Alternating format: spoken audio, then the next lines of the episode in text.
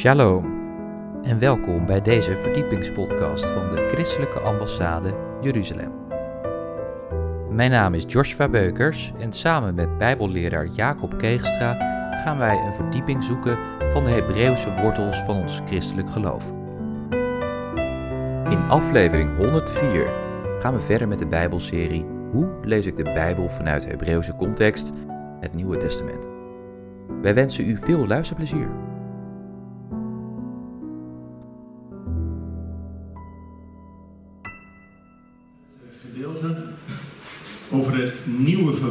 En ik wil graag één tekst met u lezen. Waar volgens mij alles in staat. En dat is direct Matthäus 1 vers 1.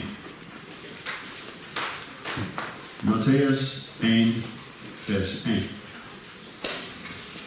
En wat staat daar? Matthäus 1 vers 1, begin van het nieuwe verbond. Er staat het geslachtsregister van Jezus Christus, de zoon van David, de zoon van Abraham.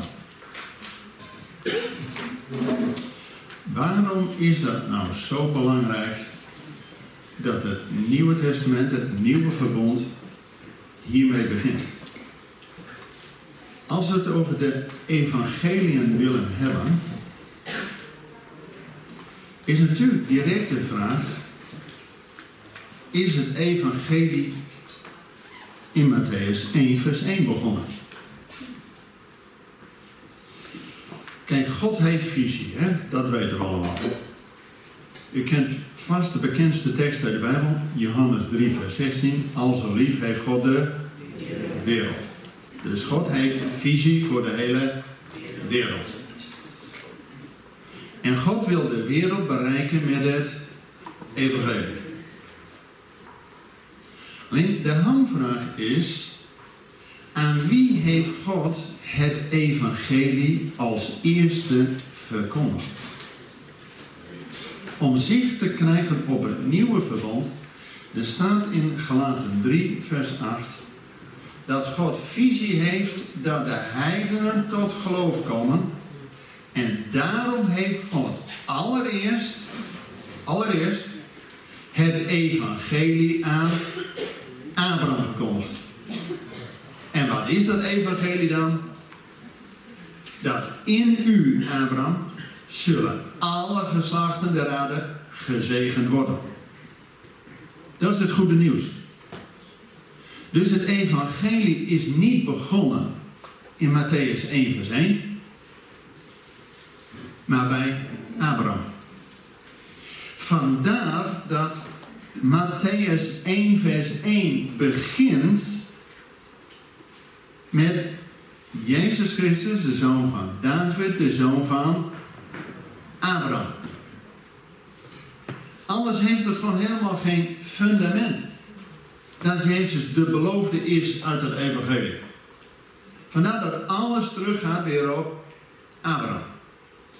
Nou, als we goed zicht willen hebben op de Hebreeuwse compositie, ook van het nieuwe verbond, dan eerst even weer in herinnering de vorige drie rondes hebben het gehad over het eerste verbond. Sommigen noemen dat het Oude Testament. Misschien niet oud, misschien Testament. Het is het eerste verbond. En die wordt in drie delen, komt tot ons. Wet, profeten en geschriften. Ook Jezus bij de opstanding, toch voor ons de meest cruciale dag in de wereldgeschiedenis, de opstanding, dat Jezus tot twee keer toe terug verwijst. O ongelooflijk traag vanuit dat je niet alles gelooft wat in wet, profeten en geschriften staat, dat de Messias moest leiden tot zijn heerlijkheid in te gaan. Dus voor Jezus was de enige maatstaf de schriften die u wijs kunnen maken tot zaligheid, is wat wij het eerste verbond noemen. Wet, profeten en geschriften. Dat hebben we de vorige drie keer. Maar om goed zicht te krijgen op het nieuwe verbond, dan zien we ook een driedeling. U kent het allemaal. De evangelie plus handeling. Dat is wat Jezus en zijn discipelen ons hebben voorgeleefd. We kennen alle brieven van Paulus en van Petrus en van Jacobus. En helemaal op het eind, we mogen gelukkig ons prijzen dat we nog steeds openbaring in de Bijbel hebben. Want Luther en Calvijn konden er helemaal niks mee. Dus het mocht nog net in de Bijbel staan, maar dat weet je als allerlaatste. Jongens, als we dezelfde indeling als het eerste verbond hebben, wet, profeten en geschriften. Dus onderwijs, want de wet is niet wet is, is onderwijs. En nou God zegt vandaag tegen ons, door zijn grote barmhartigheid heeft God ons een heerlijke onderwijzing willen geven. Nou, daar zijn we voor gekomen. En wat is die onderwijs? Is Torah. Gewoon doen wat God ons onderwijst. Dus het begint met onderwijzing, dan het profetische deel. Dat is het centrale deel in het eerste verbod. En wat zegt Spreuken? 29 zegt, als de openbaring ontbreekt, verwildert het volk. Hoe dan dat wij openbaring, het profetische boek uit het hele Nieuwe Verbond, hebben als allerlaatste? En wordt bijna nooit uitgepreid. Als we dezelfde compositie, opbouw hebben van het eerste verbond, ook in het nieuwe verbond, dan is het logisch dat we evangelie plus handeling, die als eerste is de Torah van Jezus, wat hij ons wil onderwijzen. En dan openbaring. Als het profetische deel van het nieuwe verbond. En dan pas de geschriften, de brieven uit het Nieuwe Testament.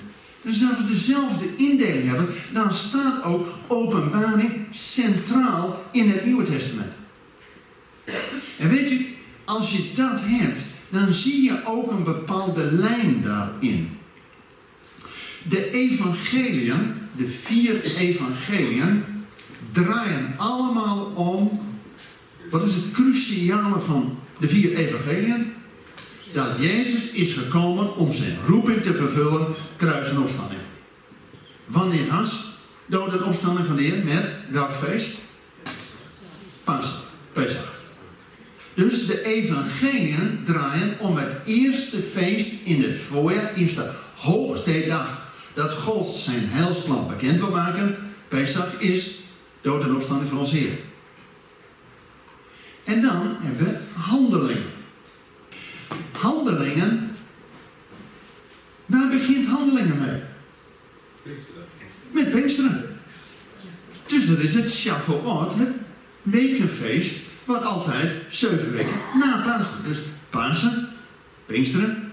En als je direct na evangelie plus handeling, openbaring hebt, het profetische deel van het Nieuwe Testament, waar draait openbaring om? Loofhuttenfeest. Dan zie je de opbouw die God ons in zijn hoogtijdagen, God wil steeds verder een verdere openbaring geven. Maar als we openbaring helemaal het eind hebben en nooit open doen, jongens, als openbaring er niet is, verwildert het volk. Daarom we willen bij de les zijn wat God ons wil openbaren. Dus openbaring zou gewoon in het centrum van het Nieuwe Testament moeten staan. Maar als we het hele nieuwe verbond in ogenschouw hebben, die vier evangeliën en handeling, dat is te vergelijken met de vier, ja, wij hebben vijf boeken van Mozes. Alleen dat zijn de vier boeken plus één die het samenvat. Dat heet Deuteronomium, de tweede wet. Het is helemaal niet de tweede wet, want er is maar één wet. Maar het is de samenvatting van de wet. Dus het is vier en die andere houdt het samen. Sowieso de vier evangeliën en handeling. Dat is precies wat Jezus en zijn leerlingen ons duidelijk maken. Is natuurlijk direct de vraag, waarom hebben wij nou vier evangeliën? nou weer voor nut?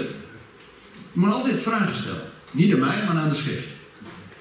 In de Bijbel, in het eerste verbond, maar dat is ook alles waar Jezus iedere keer naar terug verwijst. Als, als, als Jezus zegt, de verzoeking in de woestijn. Dan zegt die tegenstander, zeg van alles, hè? beloof van alles. En Jezus antwoordt hem tot drie keer toe, er staat geschreven. Dus zelfs Jezus gaat niet preken tegen de tegenstander. Hij gaat gewoon, er staat geschreven. Dat was zijn fundament. Nou, als dat het fundament van Jezus was, laat dat dan ook ons fundament zijn. Er staat in het eerste verbond vier keer een tekst over de spruit die zal uitspruiten. Van die vervallen troon van Isaac zal er een nieuwe spruit komen. En vier verschillende profetieën. De eerste dat die spruit een koning zal zijn. Tweede dat die spruit een knecht zal zijn. Derde dat die spruit een mens, mensenkind is. En de vierde dat die spruit ook zoon van de Allerhoogste, zoon van God is. Laat nu in het Nieuwe Testament die vier evangeliën precies harmoniëren met wat al geprofiteerd is in het eerste verbod. Matthäus schildert Jezus als koning.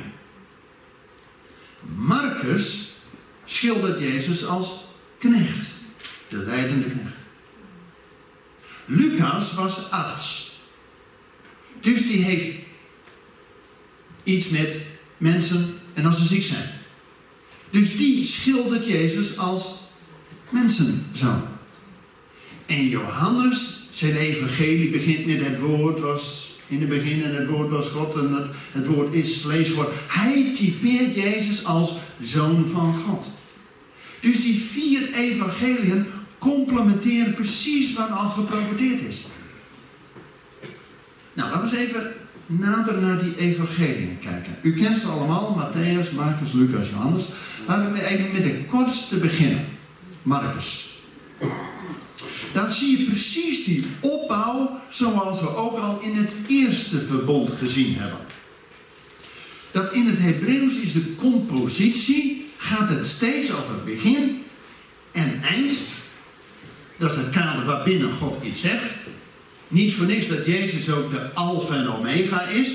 De alef en de taf, leidsman en volleinder, begin en einde. Maar hij is ook het focuspunt, het centrumpunt. En in het Hebreeuws is de opbouw, Hebreeuws is een redelijk wiskundige taal, zeer gestructureerd. Er zit geen letter te veel in. Ook al heeft God een wereldwijde visie. En dan gaat bij God, ieder hoofdstuk hebben we de vorige keren gezien, begin en eind, maar de focus ligt in het midden. Kijk, in het Nederlands, als je een roman hebt, moet je vooral de laatste pagina niet missen, was de happy end. anders slaap je slecht. Maar in het Hebreeuws gaat het over het begin. God is goed, ja, goed is God. Zo is dat gewoon opgebouwd. Want in de tijd van Abraham en van Mozes kon lang niet iedereen lezen. Dus de rabbijn of de priesters, die vertelden in de synagoge en die lazen voor. En de rest moest het door horen. Het geloof is uit het horen. Maar dan moet je natuurlijk wel het horen zodat je het verstaat. Daarom heeft God in het Hebreeuws dat parallelle denken. God is goed, ja goed is God. Zodat het direct ook gaat beklijven. Als je iets twee keer hoort, is het makkelijker om te onthouden. Nou, het kortste evangelie, Marcus evangelie, begint met de tijd is gekomen. Bekeert u, want het koninkrijk van God is nabij. Dat is het begin. Dat geeft de aanhef. En het slot van Marcus gaat over de opstanding van onze Heer Jezus Christus en het zendingsbevel. Door de opstanding kunnen we het goede evangelie geloven. Dus, dat is begin en eind. En waar staat nou precies in het centrum van Marcus? Marcus 9, vers 9, 8, vers 39. De beleidenis van Petrus. U bent de Zoon van God. Met andere woorden, de rest kun je allemaal vergeten. Gaat over, de tijd is gekomen. Bekeert u, want de koninkrijk van God is nabij. Het slot is, door de opstanding gaat het evangelie de wereld in.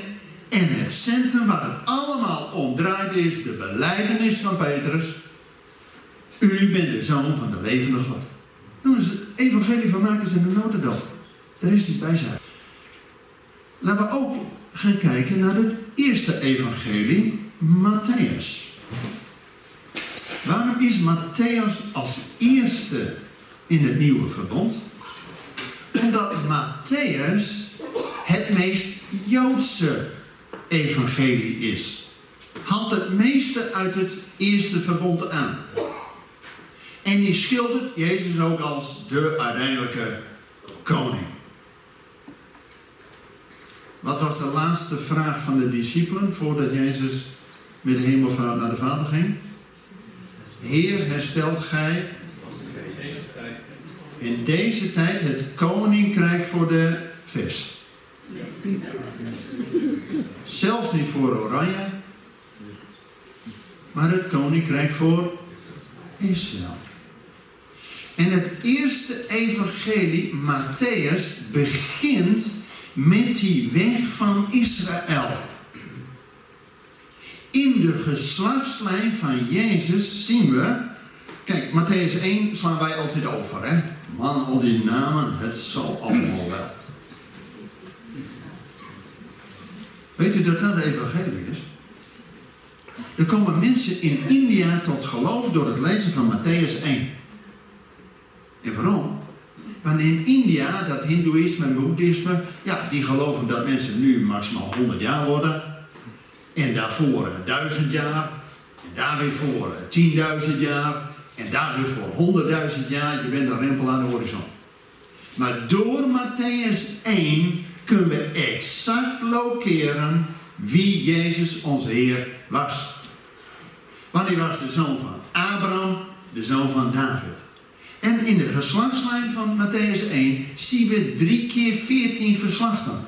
Van Abraham tot David, David, ballingschap, ballingschap tot Jezus. Drie keer veertien.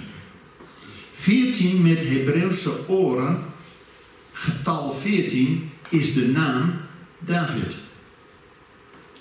En Jezus is natuurlijk de zoon van. Dus de zoon van de geliefde betekent David. En drie keer veertien, even in herinnering, het volk van God, Israël, vanuit de slavernij, vanuit de duisternis van Egypte, met de bevrijding met Pasen, weet je wel, dan in de woestijn. Sinaï-verbond, Pinksterfeest, dat ze de Torah kregen. Maar het Loofhuttenfeest werd pas in het beloofde land. Dus de weg van het volk van duisternis naar het beloofde land ging in drie keer veertien geslachten. In drie keer veertien pleisterplaatsen in de woestijn. Vanaf Egypte tot Kadas Barnea. Veertien etages gingen ze omhoog, gingen ze op naar het beloofde land. Daar zonden ze die twaalf verspieders uit. Tien zeiden, moet je niet doen. Grote mensen daar. En twee zeiden, hoe groter ze zijn, hoe moeilijker we ze kunnen missen. Het is maar net hoe je dat tegenaan kijkt. Maar dan moesten ze 38 jaar weer terug. Dat is 14 etages in de Bijbel gaat het weer naar beneden. En pas bij Jozua, die nieuwe Yeshua, die nieuwe leider, gaat het weer 14 etages opwaarts om dan uiteindelijk bij Gilgal, Golgotha, het beloofde land in te gaan. Dus die drie keer 14 die het volk heeft meegemaakt, heeft ook de Messias van Israël meegemaakt. Van Abraham tot David was de tijd van de herders. Van David tot ballingschap de tijd van de koningen. Van de ballingschap tot Jezus de tijd van de priesters. De tijd van Abraham tot David, niet alleen de herders, maar dan had je ook de profeten, de richters. Dus in de geslachtslijn van Jezus zien we dat hij zowel aanspraak kan en mag en moet maken dat hij zowel vanuit de profetische lijn komt, als de koninklijke lijn in zijn DNA heeft, als de hoge priesterlijke lijn. Jongens, dat kun je toch zelf niet bedenken? We gewoon geen Matthäus 1. Oh nee, ja, dat slaan wij wel eens over. Ja. Maar ja, al die namen, moeilijk. Maar het is al een stuk, als je de compositie, is dus niet voor niks, hè. Nou, Matthäus. Matthäus heeft vijf keer aan de voeten van Jezus. Zat er expliciet in. En aan de voeten van Jezus, weet je wel, met die twee zusters. Eén was nogal druk. En de ander ging bij de voeten van Jezus zitten. En wat zegt Jezus? Zij heeft het beste deel gekozen. Want wat blijft er in het Nieuwe Testament als we alles hadden? Het offer van Yeshua hadden. Wat blijft er over?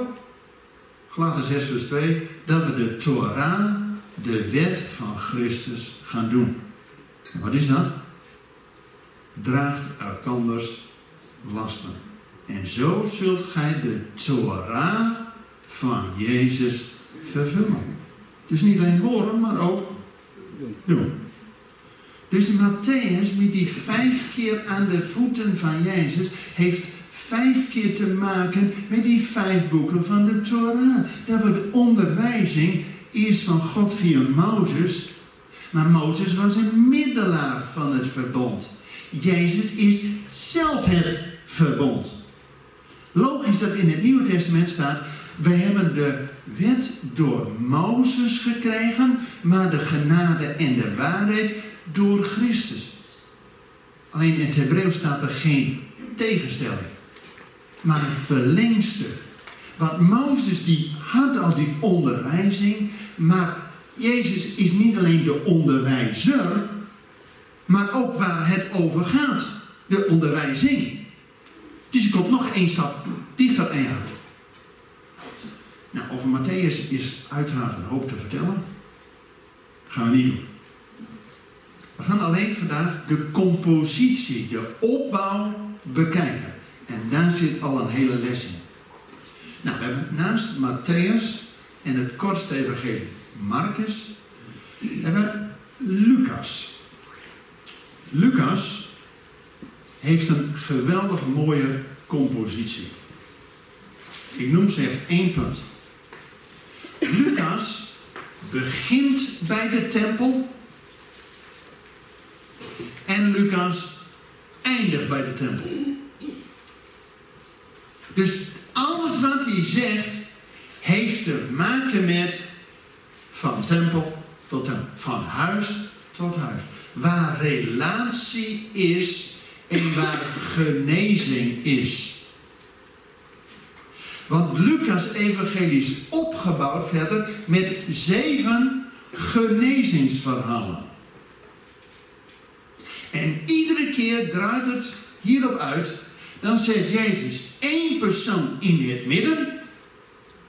Die wordt genezen. En dan gaan al die omstanders God loven en prijzen. Dus de hele opbouw van Lucas draait als arts, Lucas als arts, om genezing. Zeven keer genezing waar iets of iemand in het centrum staat. En dan de omstand gaat God loven en prijzen.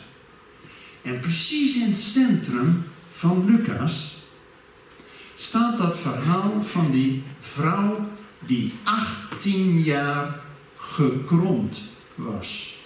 Die. Zo.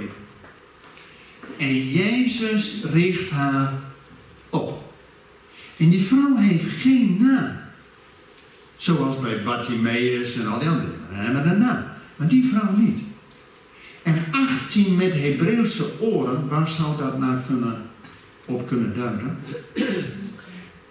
leven. Ga je. 18. En die vrouw is een beeld van Israël, die precies in het centrum opgericht wordt. En nou God gaat prijzen. Dat is de opbouw van Lucas. De rest je helemaal vergeten. Maar als je in die compositie zo'n evangelie leest, denk je, wauw. Dat kunt je zelf niet bedenken. Nou. Het Johannes-evangelie heeft weer een andere opbouw. Want we hadden al, Johannes schildert Jezus als zoon van God. Dus waar begint het Johannes-evangelie mee? Met God. Dus in de hemel. En het woord is vlees geworden. Jezus doet zijn roeping hier op aarde. Dus sterven en opstanding. En dan gaat Jezus weer terug naar de Vader. Om zijn rechtvaardige plaats in te nemen. Dus het Johannes-evangelie draait om, begint weer God, Jezus doet zijn roeping op aarde, maar hij gaat weer terug naar de Vader. Zo is dat evangelie opgebouwd. Omdat hij duidelijk wil maken dat Jezus niet zomaar iemand is, maar een zoon van de Allerhoogste. Nou, dan moet je de oorsprong bij God beginnen. En het woord is vlees geworden. Dan doet hij zijn roeping waarvoor hij kwam. En met hemelvaart gaat hij weer terug en zit aan de rechterhand van de Vader. Vanwaar hij natuurlijk de tweede ronde zal komen om de wereld te ordenen. Dat zijn de vier evangelieën. En we zeiden al, zoals de Torah vijf boeken, vier plus de samenvatting, zo is ook de evangelieën die draaien om Jezus. En vier, niet voor niks, de vierde letter in het Hebreeuws is de Dalet. Betekent de deur. Wie is de deur tot de Vader? Dus het draait allemaal om Yeshua.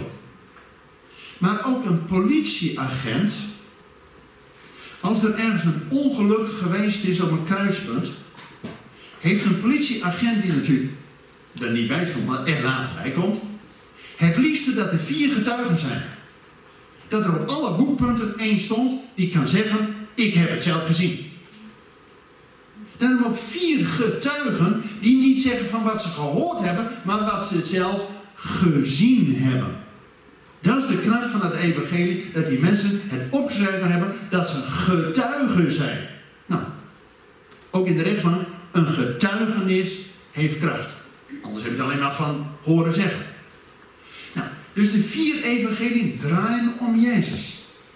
En de discipelen liepen stage. Handelingen draait om de discipelen. En dan is het volgende feest. Vier evangelie draait om Pasen, werk van de Heer, dood en opstanding, allemaal Pesach. Vanuit de duisternis naar het licht. Het tweede feest is het wekenfeest, het Pinksterfeest, Shavuot.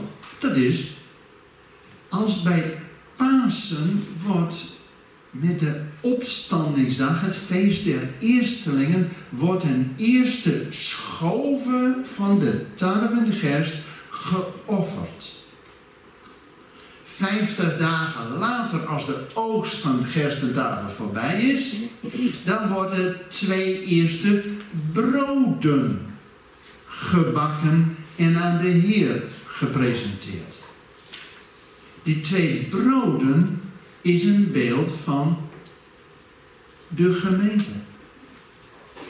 Zoals de eerste garven nog, hè, het volle koren, nog niet gemalen en noem maar op, is een beeld van hier. Maar de, de broden is uit te delen, is deel van de gemeente.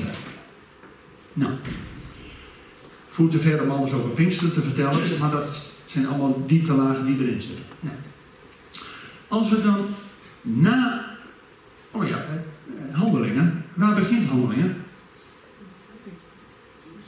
Jeruzalem bij de tempel. En wie heeft handelingen geschreven? Lucas. Maar het Lucas-evangelie, zagen we net, begon bij de tempel en eindigde bij de tempel. Lucas heeft ook het handelingen geschreven. Dat begint bij de tempel, maar waar eindigt handelingen? In Rome. Dus vanuit het centrum naar de wereld in. Hoofdstad van de Heilige. Na handelingen hebben wij de brieven in het Nieuwe Testament. En er zit helemaal niet een hogere doel achter. Weet u hoe de, in de christelijke editie van de Bijbel de brieven gesorteerd zijn en geselecteerd en ingedeeld zijn? Gewoon op lengte. Gewoon op lengte. Romeinen is langste en 3 Johannes is kortste. Dus gewoon op lengte. Er zit totaal geen hoger doel achter. Als je met Hebreeuwse oren de geschriften, de brieven uit het Nieuwe Testament, waar zou je dan mee beginnen? Jacobus.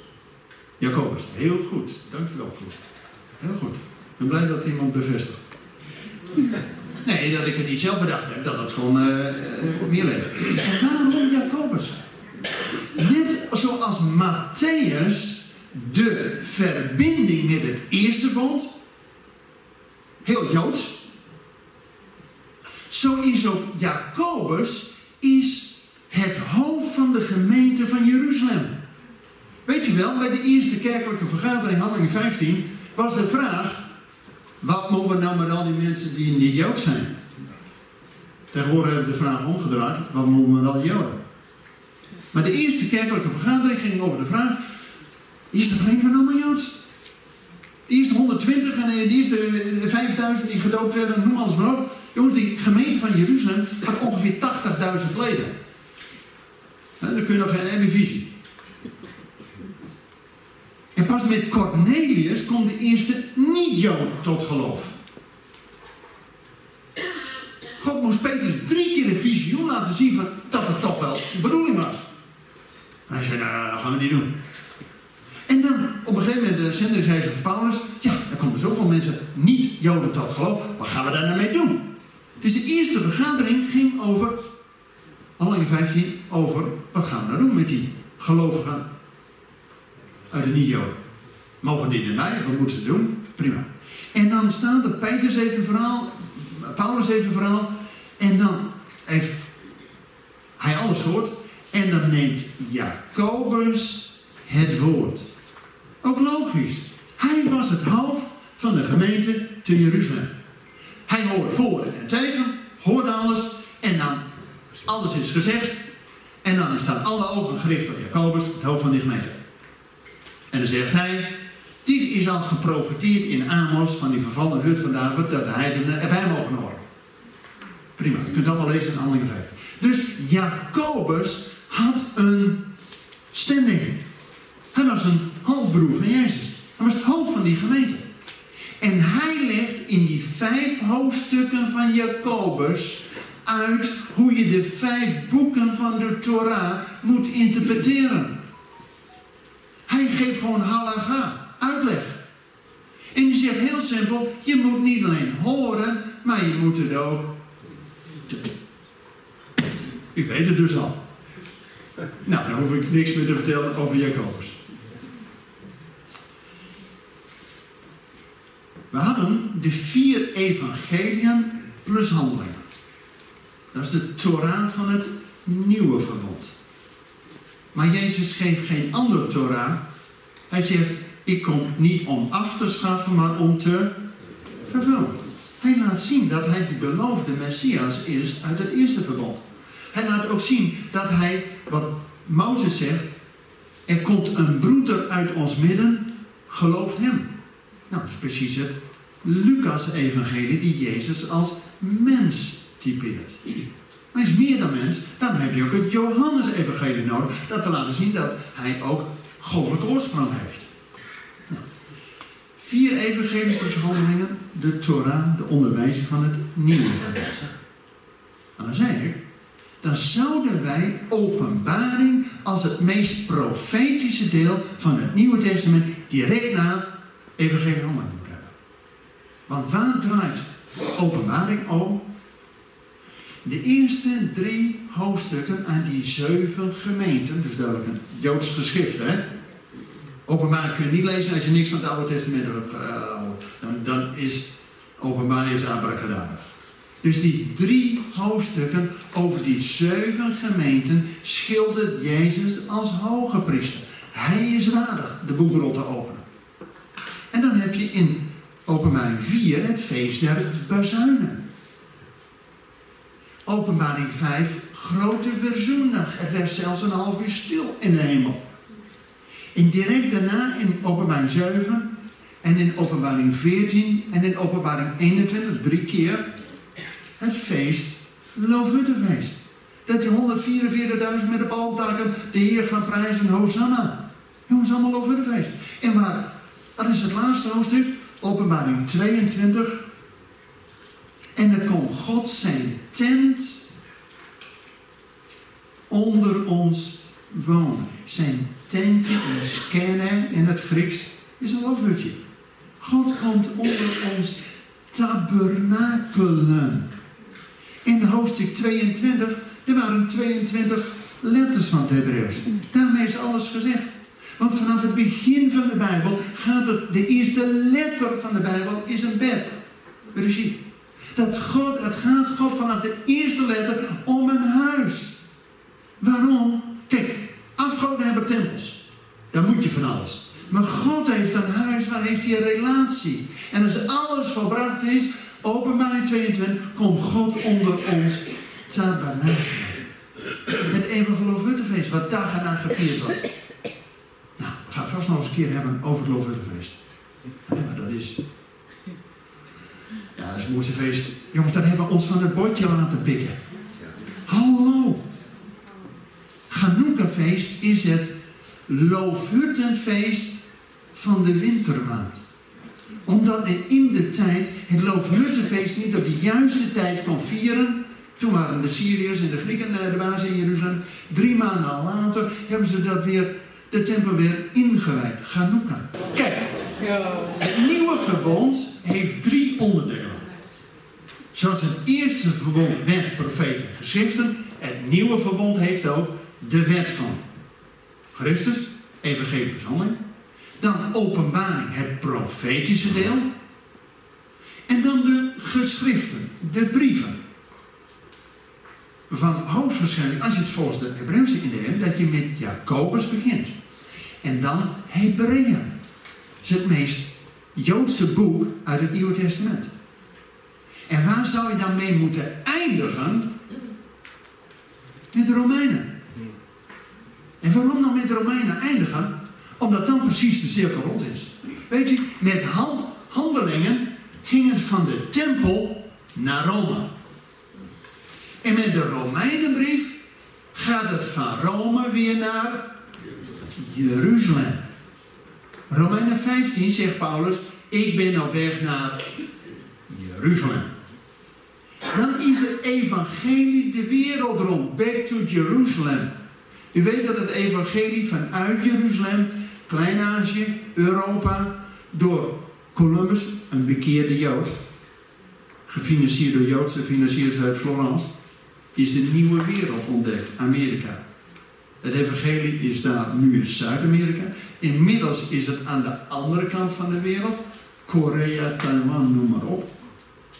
Nu is China aan de beurt. Straks komt de Arabische wereld nog. En dan is het evangelie back to Jerusalem. En dat zien we al als we de indeling, de compositie, dat we vanaf de tempel Jeruzalem de wereld in, Rome, en de laatste brief zou moeten zijn Rome, Romeinen. Dan gaat het van Rome weer back to Jeruzalem. Laten we even kijken naar die Romeinenbrief. Romeinenbrief, u kent die vast. De hoofdstukken die altijd worden opengeslagen, daar draait het nog net om. Maar goed, laten we even naar die Romeinenbrief gaan kijken. Er zitten zoveel mooie indelingen in. De compositie, die is echt door iemand die Hebreeuws denkt geschreven. Tuurlijk, door de Heilige Geest. Maar Paulus mocht het opschrijven. En Paulus was een goed onderlegd in de schriften. Want Romeinen begint met geloof. Romeinen 1 vers 16. Ik ga met... Hé, hey, ga weer over dat evangelie. Aan wie was dat evangelie nou verkondigd? Aan Abraham. Ik schaam het evangelie niet, want het is een kracht Gods behoudt voor een ieder die er hard voor werkt. Jongens, voor wie gelooft. Abraham is gerechtvaardigd omdat hij het evangelie van God geloofde. Abraham geloofde God. Het komt van God en Abraham geloofde. Dit is weer op. En daar sluit Paulus in de Romeinenbrief mee aan. Het evangelie is een kracht voor een ieder die gelooft. Eerst voor de. En waarom nou eerst voor de Jood? Want anders kun je Matthäus 1 gewoon wel overslaan. Anders heeft het toch helemaal geen zin dat in Matthäus 1 staat: Jezus Christus, de zoon van David, de zoon van Abraham. Dat Jezus op zijn fundament teruggaat dat hij zoon van Abraham is. Anders heeft hij helemaal geen recht om het evangelie te verkondigen. Die ben jij heel.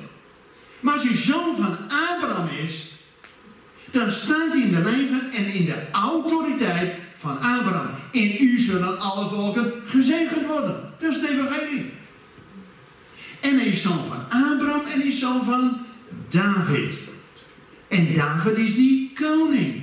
En God had een belofte een zoon van David op die troon zal zitten. Waar?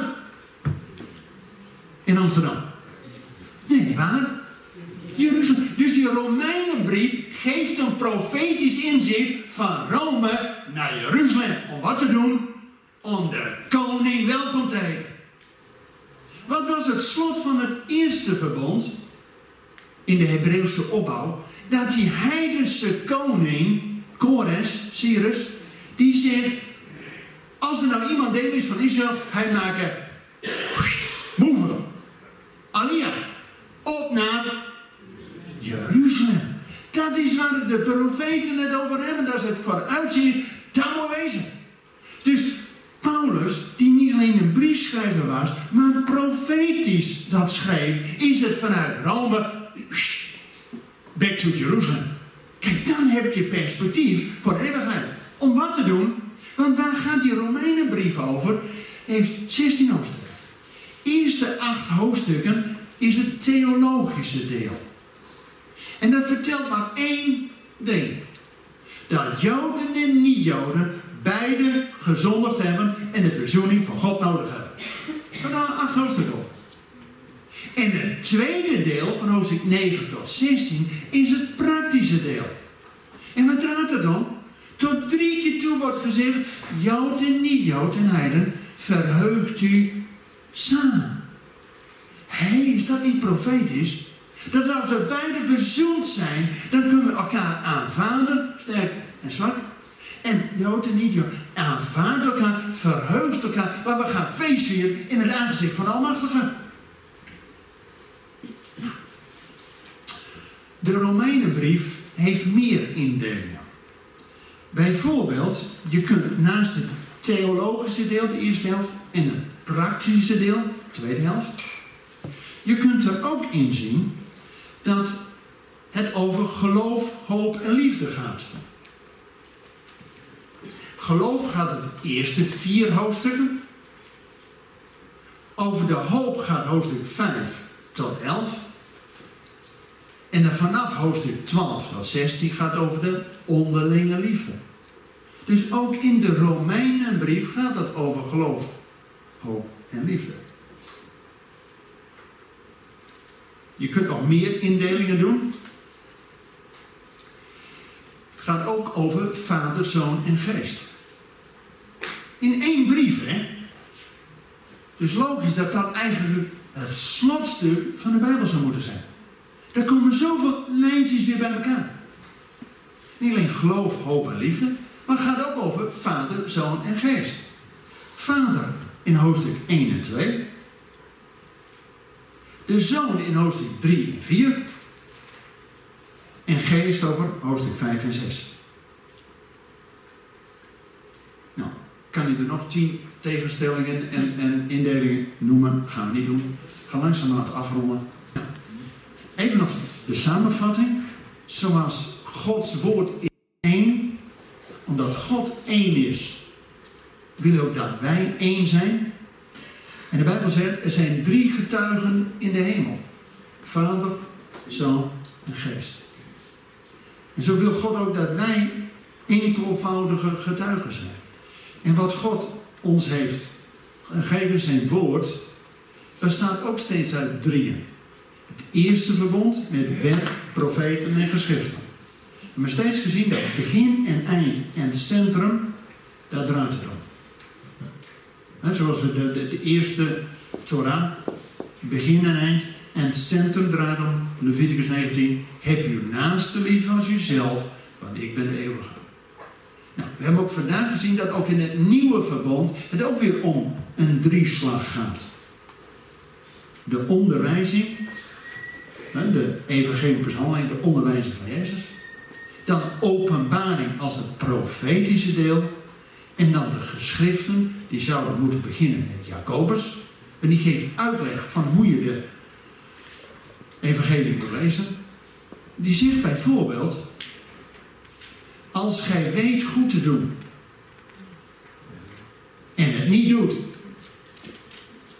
dan zal u dat tot zonde gerekend worden.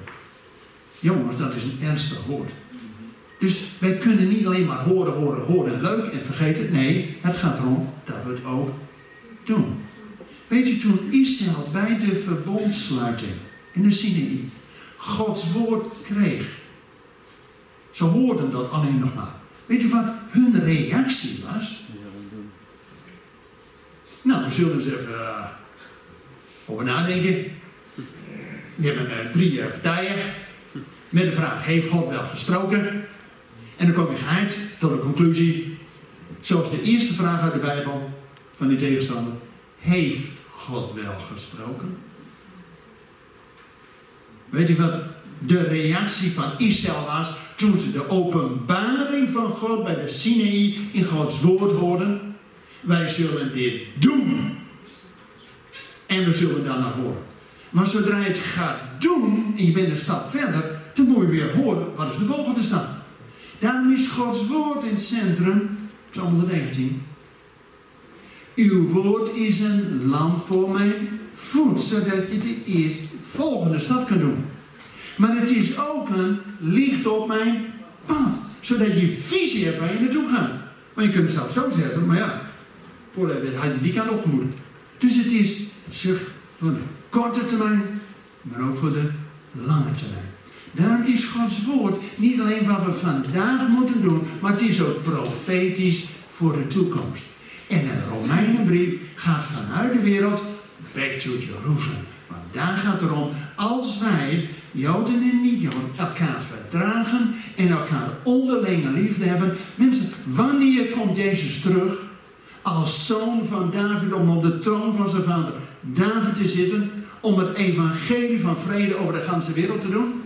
Wanneer wij samen met Israël de rode loper uitleggen en zeggen, Baruch haba Shem Adonai, gezegend hij die komt. Bedankt voor het luisteren naar deze verdiepingspodcast van de ICEJ.